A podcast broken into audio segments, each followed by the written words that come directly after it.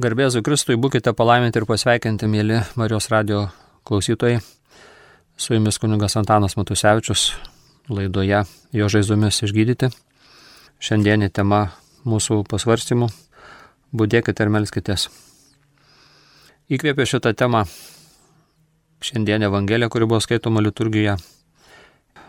Tai kaip svarbu būdėti. Tai pirmiausia noriu paskaityti iš Evangelijos atkarpėlę, 24 metų Evangelijos skyrius. Jėzus kalbėjo savo mokiniams. Būdėkite, nes nežinote, kurią dieną ateis jūsų viešpats. Supraskite ir tai, jeigu šeimininkas žinotų, kurią nakties valandą ateis vagis, jis būdėtų ir neleistų jam įsilaužti į namus.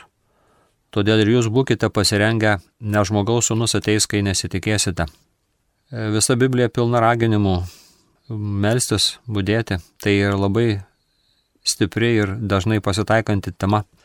Galime prisiminti, kad ir viešpats Jėzus, ruoždamasi savo gyvenimo kovai, svarbiausiai kovai, kryžiaus kovai, ragino mokinius būdėti ir melsis ir pasakė motyvą, kodėl tai svarbu daryti. Nes dvasia ryštinga, bet kūnas silpnas. O iš šito teksto, Mato Evangelijos teksto, kurį šiandien mes klausime, Jėzus sako, kad svarbu būtų suprasti, Jeigu šeimininkas žinotų, kurią nakties valandą ateis vagis, jis būdėtų ir neleisų jam įsilaužti į namus. Taigi matome, kad e, yra du ateimai. Kol kas, kol dar viešpats Jėzus antrą kartą netėjo, nes čia kalbam apie antrąjį Jėzus Kristos ateimą laikų pabaigoje, bet kol kas tai dar yra tas laukimo metas, dar viešpats netėjo. Tai ateina viešpats Jėzus įvairiausiais būdais, pavydalais, ypatingiausių būdų ateina švenčiausiam sakramente per Eucharistiją, per mišes, Bet taip pat e, viešpats Jėzus perspėja, kad nepatektum į pagundą, kaip savo mokinius anome talyvų e, sode. Taip ir šiandienė Evangelijoje viešpats perspėja, kad mes nežinome, kada tas vagis, tai reiškia piktoji dvasia ateis. Ir labai svarbu suprasti, kad mes nežinome, kada jisai prisertina. Apie tai viešpats perspėja bažnyčią ir Petro laiške. Velnė sako, kaip kriokiantis liūtas, slankioja aplinkui tykodamas ką praryti pasipriešinkite jam tvirtų tikėjimu. Taip kalba viešpatės apaštalas pirmas popiežius Petras. Velnes išdryso gundyti ir viešpatį Jėzų. Tai praktiškai nėra ne vieno žmogaus, kuris nebūtų velnio gundomas. Ir dėl to atpažinti velnio klastas, pasipriešinti jam yra labai svarbu. Bet pirmiausia, viešpats sako, kad nežinote mano ateimo valandos. Nes apokalipsėje prieškimo Jonui Trečiame skyriuje Jėzus kalba, kad aš stoviu prie durų ir beldžiu. Tos durys yra žmogaus širdis arba žmogaus siela. Jeigu kas išgirs mano balsą ir atidarys duris, aš pasieteisiu ir vakarieniausiu su ją, o jis su manimi. Taigi, viena vertus mes esame kviečiami raginami būdėti ir būti pasiruošę, nes nežinome, kada ateis Jėzus laikų pabaigoje, tas šlovingas antrasis jo ateimas parusyje. Bet kita vertus, kaip galime suprasti iš prieiškimo Jonų knygos, Viešpats ateina nuolatos. Nuolatos jisai stovi prie mūsų širdies durų beldžia. Labai svarbu, kad mes išgirstume Jėzaus beldimą ir įsileistume viešpatį į savo širdį, į savo gyvenimą, į savo situacijas. Ir vėlgi labai svarbu, kad mes būdėtume, nebūtume atsipalaidavę, sportiniais terminais kalbant, nebūtume praradę koncentracijos, susitelkimo, nes tuomet galime praleisti smūgį arba galime praleisti įvartį, jeigu kalbėsime apie futbolą. Tai mes kaip krikščionys turim būti nuolatiniam tokiam būdravime. Prisimenu, kažkada klausiau vieno kunigo iš Prancūzijos ar Belgijos, Daniel Anš liudimą, kuris e, stengiasi gyventi šitais žodžiais. Ir jisai liudijo, kad kartą teko jam patirti operaciją, tai buvo jam pritaikyta narkozė, anestezija. Ir kada jis atsigavo po operacijos, kada pradėjo vaistai nuskausminantieji nustoti savo galios, atėjo į sąmonę. Viena medikė jam pasakė, kad jūs operacijos metu, kai buvot užmigdytas, nuolatos kalbėjote kažkokią gražią maldą. Tai pasirodo, nors šito vyro kunigo sąmonė buvo pritemdyta vaistų operacijos metu, bet jo širdis liko budri, nes jisai praktikuodavo nuolatinę maldą. Kvėpuodamas, įkvėpdavo tiesiog viešpatį Dievą iškvėpdavo jam savo kokias neigiamybės, neigiamas savybės ar baimės ir taip toliau. Tai reiškia, buvo įpratęs netgi miego metu būdrauti. Prašė viešpatės, kad visada jisai būtų susitelkęs į jį, kad niekada neatsipalaiduotų, o ta prasme, kad nepamirštų. Tai nereiškia, kad buvo įsitempęs, e, su įtampa laukia viešpaties, bet stengiasi išsaugoti ramybę, priimti viešpaties ramybę ir nuolatos būti susitelkęs į jį. Tai viešpats ateina. Jisai ateina e, nuolatos, jisai nuolatos beldžiasi. Ir svarbu, kad mes e, kaip geri tarnai, kaip geri jo mokiniai, kaip tikri jo mokiniai, kaip tie, kurie tikrai nuoširdžiai mylime viešpatį, įsileistume. O šitie du dalykai - įsileisti Jėzų ir neįsileisti piktojo. Nes piktasis irgi, kaip sakėme, visur klaidžioje, slankioje, norėdamas mus praryti, norėdamas mus pakengti, norėdamas mus pražudyti. Tai sako, kad e, jeigu šeimininkas žinotų, kad ateis vagis, jisai būdėtų ir neleistų įsilaužti į namus, padaryti nuostolio turtui arba ten gyvenantiems žmonėms. Čia man ateina analogija palyginimas iš e, kompiuterių, e, šio laikinių technologijų srities. Stengiamės, kurie turime kompiuterius, turbūt visi šiais laikais turi kompiuterius ar mobiliuosius, judriuosius telefonus. Stengiamės juos apsaugoti nuo įsilaužimo tam tikrų nuo hakerių, nuo ten, nuo virusų visokiausių antivirusinės programas instaliuojame, kad jie nepažeistų mūsų kompiuterių. Tai kaip nepalyginti svarbesnė yra žmogaus siela, žmogaus gyvenimas ir amžinasis likimas. Nes piktoji dvasia ne tik tai nori mus pakengti dabartiniu metu, greuti mus dabartyje, bet svarbiausias piktosios dvasios tikslas - pakengti mūsų amžinybei, kad mes nepatektume į dangų, kad nebūtume su Dievu. Jos e, tikslas - pražudyti mus. Viešpaties, kaip matome, tikslas išganyti žmogų, o piktosios dvasios tikslas - įmesti sielą į pragarą. Ir todėl viešpats kalba, kad mes turėtume būti nuolatos tokiame būdravimo režime, niekuomet tarsi neįsijungti iš tinklo, kaip kalbėjome apie tą kunigą Daniel Anč. Netgi mėgodamas, netgi būdamas nesamoningos būklės, jisai meldėsi, tai buvo įpratęs būdėti, tai buvo įpratęs melsti, tai būdavo įpratęs ieškoti viešpaties ir e, jo širdis melsdavosi netgi jam mėgant. Čia yra praktiškai meilės klausimas, meilės ir tikėjimo klausimas jeigu mūsų tikėjimas auga, jeigu mūsų tikėjimas stiprėja, tai ir meilė auga, meilė ir tikėjimas vienas kitą stiprina, vienas kitą papildo. Ir žmogus iš tikrųjų tada auga, skleidžiasi, Dievo pažinimas jame auga. Jame auga stiprybė, jėga atmesti velnių pagundas. Vienu žodžiu, nuo maldos, nuo būdėjimo, tikrumo, autentiškumo ir gilumo priklauso žmogaus žemiška ir amžinoji gerovė. Tai labai susiję kokie mes esame šiandien, tokie ir būsime tikriausiai e, mirties valandą, o nuo mirties valandos priklausys, kokia bus mūsų amžinybė. Bet labai dažnai mes iš tikrųjų pralaimime, labai dažnai mes ir viešpaties neįsileidžiam ir labai dažnai įsileidžiam savo priešą. Tai, kitaip sakant, elgiamės neišmintingai. Elgiamės e, ne taip, kaip turėtume, kaip esame pašaukti elgtis. Ir šiandien mane labai palėtė Bernardo Klerviečio mintis, kurias visą šitą mėnesį Magnifikat maldinėlė skaitydavau, labai pagodė, nes e, jaučiausi toks, na, neištikimas viešpačiui, e, silpnas, nuodėmingas. Viešpats leidžia man pamatyti savo silpnumą, anksčiau tai kažkaip galvojau, taip klaidinau pat save, kad, kad esu pakankamai tobulas, bet kuo toliau gyvenu, tuo labiau viešpats leidžia matyti, apreikšdamas mano silpnumą. Tai pamačiau savo silpnumą ir truputėlį buvo liūdna, gal kokia kaltė pradėjo kankinti, varginti ir tada perskaičiau Švento Bernardo Klerviečio mintis, kurios pasirodė man tikrai labai reikšmingos ir netgi, kaip jau sakiau, davė tam tikrą impulsą kalbėti šiandien šią temą. Tai Bernardas Klervietis sako, kurgi silpnieji ras patikimą ir tvirtą apsaugą bei ramybę, jei neišganytoje žaizdose tuo aš juose jaučiuosi saugesnis, kuo jis yra galingesnis mane išgelbėti. Siaučia pasaulis, legia kūnas, velnės pendžia pinklės, aš neparbuolu, nes esu pastatytas ant tvirtos olos. Jeigu didžiai nusidėsiu, sąžinė bus sudurmsta, bet nepraras pusiausvyros, nes aš prisiminsiu viešpatie žaizdas. Taigi jisai kalba pirmiausiai šitą mintį pasakydamas, kad mes esame silpni praktiškai kiekvienas žmogus yra silpnas. Ar jisai tai supranta, nesupranta, ar prisipažįsta, kad yra silpnas, nusidėjėlis, klystantis, ar neprisipažįsta Dievui ir savo arba kitiems žmonėms, bet kiekvienas esame silpnas. Ir dėl to mums labai svarbu šitos tiesos, šitos tikrovės nepaneigti. bet nusižeminti po galingą Dievo ranką. E, sakoma, kad viešpas nuolankiesiems duoda malonę užpuikėliams priešinasi. Ir nuolankių žmonės piktoji dvasia labai sunkiai pavergia, o kaip tik iš didžiuosius išpuikėlius labai lengvai apviniojam link piršto, labai lengva jais manipuliuoti.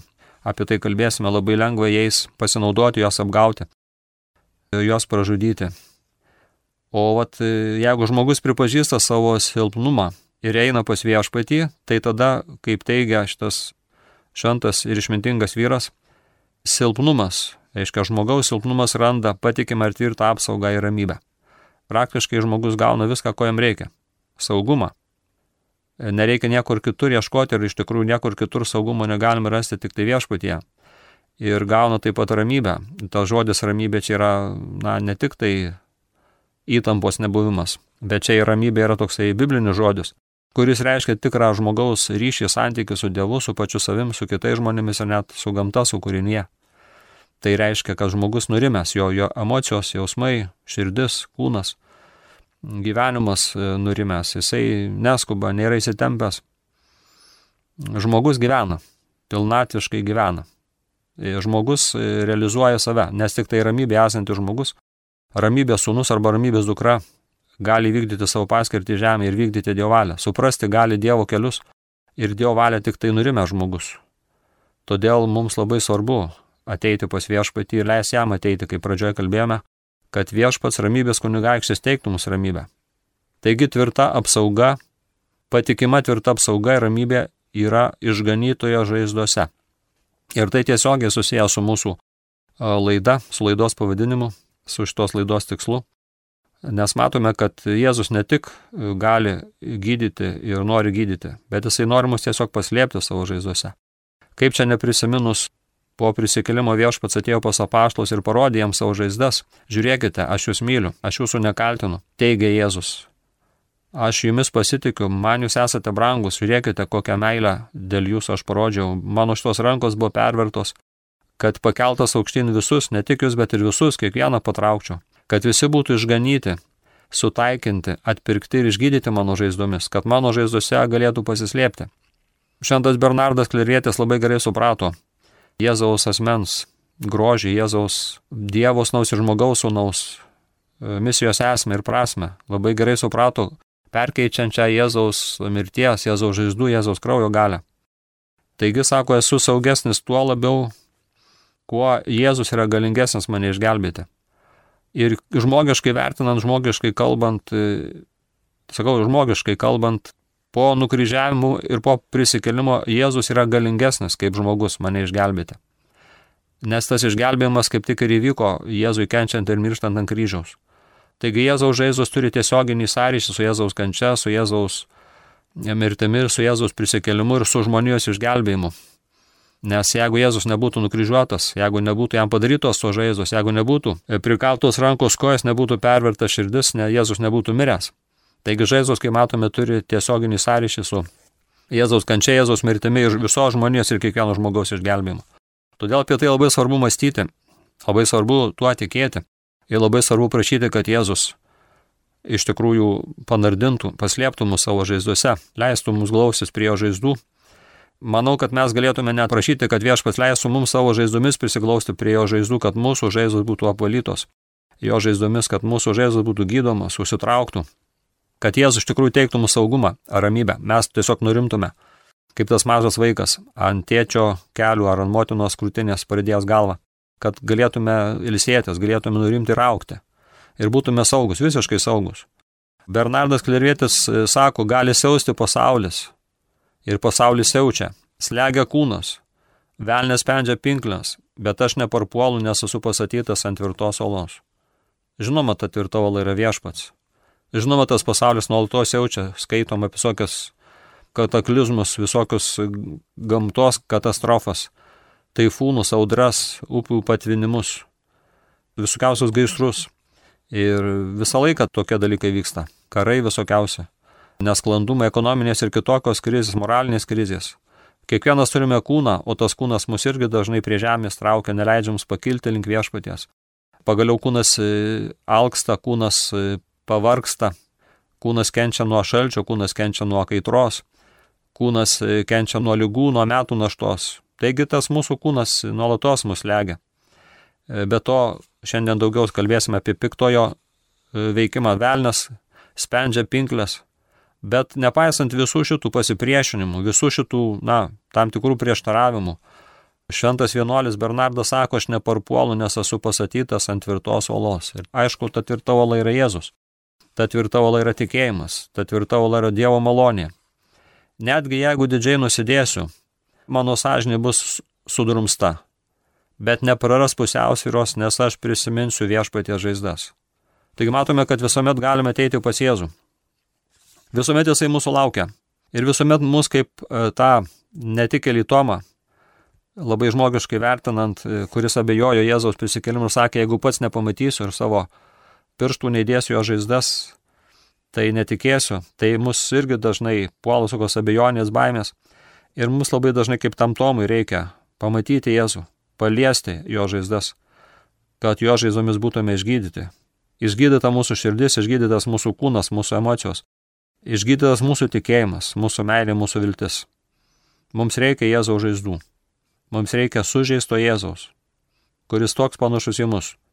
Sužeistus, trapius ir silpnus žmonės, kuris irgi tapo neturtingas, kad mes taptume turtingi per jo neturtą, kuris tapo silpnas, kad mes taptume stiprus per jo silpnumą. Kalbu apie kryžių, kas yra Dievo galybė ir Dievo šmintis. E, norėčiau dabar, mylimi Marijos radio klausytojai, pasidalinti su jumis, e, tiksliau paskaityti jums labai mane palietusi mokymą YouTube'ės platformoje. E, vadinasi, jisai taip šetonas tavimi manipuliuoja. O tas tinklalapis, ar kaip pavadinti, net nežinau, vadinasi lenkiškai būk movie dočiebė. Dievas kalba tau. Giliai tikintiems ir savo tikėjimą pasišventusiems asmenims visada rūpi neišsukti iš gėrio ir moralumo kelio. Deja, einant šiuo dvasiniu keliu velnės tyko kiekviename žingsnyje ir yra pasiruošęs sukelti sumaištį ir mus paklaidinti. Velnes, dvasinis mūsų priešas, nuolatos vykdo savo nepaprastai gudrę kampaniją ir mumis manipuliuoja, taip siekdamas mus atitraukti nuo Dievo, kad pražūtume. Šiais laikais, kai vairios pagundos ir pražutingos įtakos lypi už kiekvieno posūkio, yra ypatingai svarbu atpažinti velnių manipulacijų bruožus. Todėl šiandien susitelksime į penkis esminius ženklus, kurie gali rodyti, jog mūsų gyvenimas pateko piktojo veikimo įtakon. Ta įtaka gali įgyti įvairias formas. Ji dažnai yra subtili ir nepastebima. Todėl būtina į šią tematiką gilintis, jeigu norime atpažinti velnio veikimą ir jam pasipriešinti. Atminkime, kad Dievo jėga yra visada su mumis, tačiau nepaisant mūsų didelių pastangų eiti gėrio keliu, kartais galime prarasti tikrumą ir tapti lengvu demoniškos intrigos grobiu. Pirmas ženklas, kurį turime įsisamoninti, kuomet kalbame apie demoniškas įtakas, yra tai, kad šitonas geba tobulai maitinti mūsų ego. Jis yra tikras meistras, kurstydamas mūsų puikybę ir tuo siekdamas mūsų įtikinti, kad esame geresni už kitus, kad nusipelnėme visko, ko geidžiame. Velnės įgudusiai mums pateikia mintis, kurios įtikina, jog esame išskirtiniai ir padeda jaustis aukštesniais už kitas žemės būtybės. Panašiai kaip Izaijo knygoje aprašytoje istorijoje kurioje puolęs angelas Luciferis norėjo kopti į pačias dangaus aukštybės, taip ir šiandien velnės mus gundo tais pačiais pažadais. Izai knygoje skaitome. Kadaise mane į savo širdyje, užlipsiu į dangų, viršum Dievo žvaigždžių, iškelsiu savo sostą. Atsisėsiu ant kalno, kur renkasi dievai, pačiuose šiaurės pakraščiuose. Užlipsiu ant aukščiausių debesų ir prilyksiu aukščiausiem. 14 Izaijo pranašysės skyrius 13-14 eilutė. Šie žodžiai prašo, kokiu būdu Luciferis pateko puikybės ir godumo pinklėsna, nes norėjo pakilti virš paties Dievo. Panašiai piktasis nori ir mus įtikinti, kad esame virš taisyklių, jog neprivalome paklusti dieviškiams įstatymams. Taip jis įtakoja mūsų psichiką, maitindamas mūsų ego ir kurstydamas mumise norą valdyti ir dominuoti. Taip jis mus įtakoja, siekdamas mūsų silpnybės panaudoti savo tikslams. Turėtume žinoti, kad mūsų jėgas lypi nuolankume. Mūsų skydas prieš demoniškas manipulacijas yra nuolankumas. Nuolankiai pripažindami savo ribotumą ir atsiduodami dieviškai maloniai priartėjame prie Dievo. Budėdami ir neleisdami velniui paveikti mūsų ego, pasipriešiname jo pažadams ir galime nepasiduoti jo veikimui, tai reiškia nugalėti. Antras ženklas, jog šetonas atakuoja mūsų protą, yra jo rafinuota pastanga mus įtikinti, kad neatsitiks nieko baisaus, jei nepaklusime Dievui. Kaip prityręs teisininkas, velnės mus įmeta į abejonių sūkurį, klausdamas, ar iš ties tai, ką Dievas kalba, yra taip svarbu? Ar paprasčiausiai negalima daryti tai, ko norime? Tvirtina, kad neklusnumas atneš mums laisvę ir pilnatvę ir mes nepatirsime jokių svarbių pasiekmių. Įtikinėja, jog mes patys esame savo likimo kuriejai. O Dievas mus tik apriboja, primesdamas savo reikalavimus. Panašiai kaip pradžios knygos istorijoje, kur velnės Jėva išnipždėjo žodžius. Tikrai nemirsite. Šietonas ir toliau naudoja panašią taktiką, siekdamas mūsų gundyti. Jis siūlo mums mintį, kad galime nepaklusti Dievo įsakams ir nepatirti jokių neigiamų pasiekmių. Tokiu būdu jis įtakoja mūsų sąžinę, siekdama sukelti abejonę absoliučioms vertybėms ir moralę. Mes turėtume atminti, kad mūsų kuries yra Dievas, kuris geriau žino mūsų tikrus poreikius. Jo įsakai yra mūsų kelrodžiai siekiant gėrio ir laisvės. Jei pradėsime sekti demoniškais pasiūlymais, prarasime savo tikrą tapatybę ir pateksime į nuodėmės nelaisvės pinklės. Todėl privalome stiprinti savo pasitikėjimą Dievo žodžiu ir atpažinti klastingas velnio pastangas mus pražudyti. Neleiskime, jog velniui pavyktų mūsų širdį ir protą apgauti iliuzijomis. Tvirtai laikykimės dieviško mokymo ir būkime įsitikinę, kad paklusdami viešpačiui tapsime laisvi ir laimingi. Tegul mūsų sprendimus įkvepia meilė Dievui ir rūpestis mūsų dvasinių gėrių. Trečiasis demoniško veikimo ženklas, kuris turėtų mus padaryti jautresnius, yra klastingas švento rašto žodžių iškraipimas. Šietonas, būdamas nepranokstamų dezinformacijos korifėjumi, siekia mūsų protą sujaukti.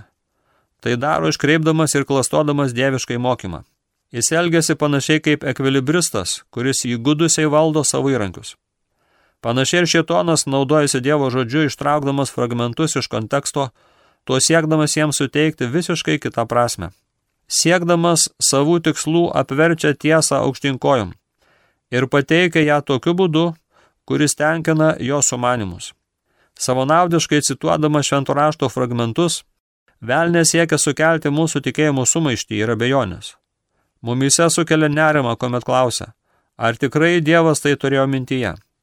Ar negalime šių žodžių aiškinti kitų būdų? Taip jis siekia mus įtikinti, kad Biblija yra elastingas tekstas, kurį galima pritaikyti pagal savo poreikį. Tačiau turėtume atminti, kad šventas raštas yra Dievo dovana, nepakeičiamas mūsų gyvenimo vadovas. Dievas, kuris yra tiesos šaltinis, negali būti dezinformacijos bendrininkas. Manipuliuodamas Dievo žodžiu velnės nusigręžia nuo tiesos ir stengiasi mus nuo jos atitraukti.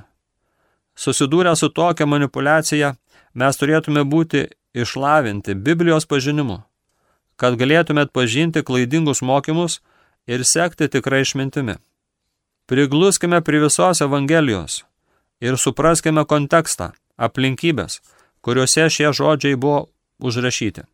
Tegul šventoji dvasia bus visų mūsų vadovė, kuri nušvies mūsų į rašto supratimą ir saugos nuo velniškų spastų. Būkime budrus, girdėdami iškreiptas švento rašto ištraukas. Būtina siekti pilnutinai suvokti dievišką mokymą. Todėl svarbu konsultuoti su išmintingais ir patyrusiais dvasios vadovais. Neleiskime velniui įtakoti mūsų tikėjimą naudojant iškraipytą aiškinimą. Stovėkime ir saugokime mūsų tikėjimą remdamiesi šventų rašto tiesos jėga ir būkime nepajudinami savo santykių su Dievu. Ketvirtas demoniško įtakojimo ženklas yra subtilus bandymas įvilioti mus į spastus lyginimo save su kitais žmonėmis. Šietonas pakiša mintį, kuri provokuoja mumise beprasmybės, nevertumo ir silpnumo jausmus. Naudodamas savęs lyginimuose su kitais mechanizmą, velnės siekia įtikinti, kad kiti yra geresni, tobulesni, talentingesni, gražesni ar laimingesni. Rodo mums kitų žmonių laimėjimus, turtus, populiarumą, o mes pradedame manyti, kad niekada nepriliksime kitiems žmonėms. Nelyginant piktalinkintis projektuotojas įteigia mums pernelyg pagražintus paveikslus ir palyginimus tuo siekdamas mumise sunaikinti pasitikėjimą savimi bei atimti gyvenimo džiaugsmą. Dažnai mums šnipžda, ar matai tą nuostabiai gražią būtybę, kuriai viskas sekasi, kai tu kovoji su savo kompleksais. Ar matai sėkmingą žmogų, kuris sugeba turėti viską, o tu susiduri su neįveikiamais išmėginimais. Ar matai tą porą, kurie ir išoriškai atrodo idealų sutoktiniai, o tu jautiesi vienišas ir nesuprastas. Velnes trokšta, kad primtume mus nuodienčius įsitikinimus, jog mūsų gyvenimas yra bevertis palyginus jį su kitų gyvenimais. Nori, kad patikėtume, jog esame visiškai beverčiai, maži ir silpni. Tačiau neturėtume pamiršti, kad Dievas mūsų kūrė mylėdamas ir mums turi unikalią ir svarbę paskirtį. Užuot eikvoję laiką pavydėdami kitiems, sutelkime dėmesį ugdydami savo dovanas, puoselėkime savo santykius su artimaisiais ir tarnaudami kitiems atraskime gyvenimo prasme. Atminkime, kad nebuvome sukurti, įdant nuolatos save lygintume su kitais, bet pašaukti tam, kad įgyvendintume pačias geriausias savo savybės. Vertinkime Branginkime savo talentus, gebėjimus ir gyvenimo patirtį. Siekime dvasinės pažangos ir įgyvendinkime savo pašaukimą su nuolankumu ir džiaugsmu. Atmeskime manipulacinę šitonų žuominas ir patikėkime savo vertingumu. Neleiskime, kad savęs lyginimas su kitais vestų mus į akligatvį. Žvelgdami į savo vienintelę ir nepakartojamą tapatybę, kursime grožį savo pačių gyvenime ir pozityviai prisidėsime keisdami pasaulį. Penktas klastingas šitoniško veikimo ženklas yra paslaptingas demono žaidimas mūsų emocijomis. Jos tarnauja kaip įrankiai paskleisti mumise baimę, nerimą ir bejėgiškumo jausmą. Jis slapta planuoja atskirti mus nuo Dievo ir trukdyti mums patirti Dievo artumą ir ramybę. Šietonas įgudėsiai naudojasi mūsų susirūpinimu bei baimėmis. Sukelia ateities baimę, nerimą, nerimą dėl sveikatos, santykių ir pinigų ar saugumo. Skrupulingai pakursto šias neigiamas emocijas, kurios pripildo mūsų vidų kaip tamsi migla, atimdama mums džiaugsmą ir viltį. Jis siekia, kad širdys būtų pripildytos abejonėmis ir nerimu, kad būtume nuniokoti ir nebetikėtume Dievo jėga ir gerumu. Šietonas į mūsų mintis siunčia amžiną klausimą. Ar Dievas tikrai yra su mumis? Ar tikrai mumis rūpinasi? Kodėl leidžia kančią ar blogį? Šetonų tikslas yra paskandinti mus nepaprastai stipriuose baimės bangose, kad tokiu būdu atsitrauktume nuo Dievo, nustumtume Dievą šalin ir pradėtume remtis vien savo pačių jėgomis. Trokšta, kad patikėtume iliuziją, jog esame beginkliai ir bejėgiai nugalėti sunkumus, o mūsų tikėjimas yra vien tušti žodžiai. Tačiau atminkime, kad mūsų Dievas yra stipresnis už visas šio pasaulio baimės. Mūsų Dievas yra stipresnis už visas šio pasaulio baimės. Jo artume nelieka vietos baimiai. Jis laiko mūsų gyvenimą savo rankose. Jis trokšta mus išgydyti, paguosti ir duoti mums tikrą ramybę, pranokstančią bet kokį suvokimą. Todėl, kai šetonas bandys mūsų širdise paskleisti baimę ir nerimą, atstatykime savo kaktas su tikėjimo jėga. Ieškokime paguodos Dievo pažaduose, nes jie kalba apie jo meilę, rūpestį ir jėgą. Panirkime į maldą, kuri atitolina nerimo miglą ir sugražina vidinę ramybę. Neleiskime, kad velnas manipuliuotų mūsų jausmais ir atitrauktų nuo Dievo artumo. Pasitikėkime Dievu, nes Jis yra mūsų jėga, mūsų sargas, mūsų ramybė, mūsų taika. Jo meilė ir šviesoje rasime jėgų pasipriešinti visokiam šitonų manipulacijoms ir patirsime tikrą dvasios laisvę. Todėl norėčiau pabaigti šią katechezę gražią maldą, kurią šiandien perskaičiau brevioriuje, jos autorius Šventasis abatas Kolumbanas. Visada mums duok viešpatie Kristau, to vandens, kad mumise būtų šaltinis, vandens trykštančio jamžną gyvenimą. Tikrai daug prašau, kasgi to nežino. Tačiau tu šlovės karaliau žinai, kaip suteikti didžių dalykų, kuriuos pats esi pažadėjęs. Nieko nėra už tave didesnio. O tu mums dovanoji pat save, už mus save atidavėjai. Užtat tavęs prašome, kad pažintume, ką mylime ir te prašome vieno, kad mums save atiduotum. Matu esi mums viskas – mūsų gyvenimas, mūsų šviesa, mūsų išganimas, mūsų maistas, mūsų gėrimas, mūsų Dievas. Įkvėpk mūsų širdis, meldžiu, mūsų Jėzau, tuo savosios dvasios dvelgsmu ir savo meilę sužeisk mūsų sielas, kad kiekvieno iš mūsų siela galėtų nuoširdžiai tarti, parodyk man tą, kurį pamilo mano širdis, nes aš esu sužeista meilės. Ir aš noriu turėti tokias žaizdas viešpatie. Laiminga toji siela, kuri taip sužeidžiama meilės. Ji ieško šaltinio. Jis suradusi geria, tačiau gerdama nuolatos trokšta. Ilgėdamasi nuolatos semia. Trokšdama nuolatos geria. Taip ji nuolatos mylėdama ieško, nes sužeidimais išgydoma. Mūsų sielos gelmes šią išganingą žaizdą sužeisti tegul teikėsi mūsų Dievas ir viešpats Jėzus Kristus tas gailestingasis ir išganingasis gydytojas, kuris vienybė su tėvu ir šventai dvasia gyvena per amžių amžius. Amen. Jūs girdėjote, mėly Marijos radio klausytojų laidą, jo žaizdomis išgydyti. Su jumis bendravo kunigas Antanas Matusevičius. Būkite palaiminti. Garbėjai Kristui.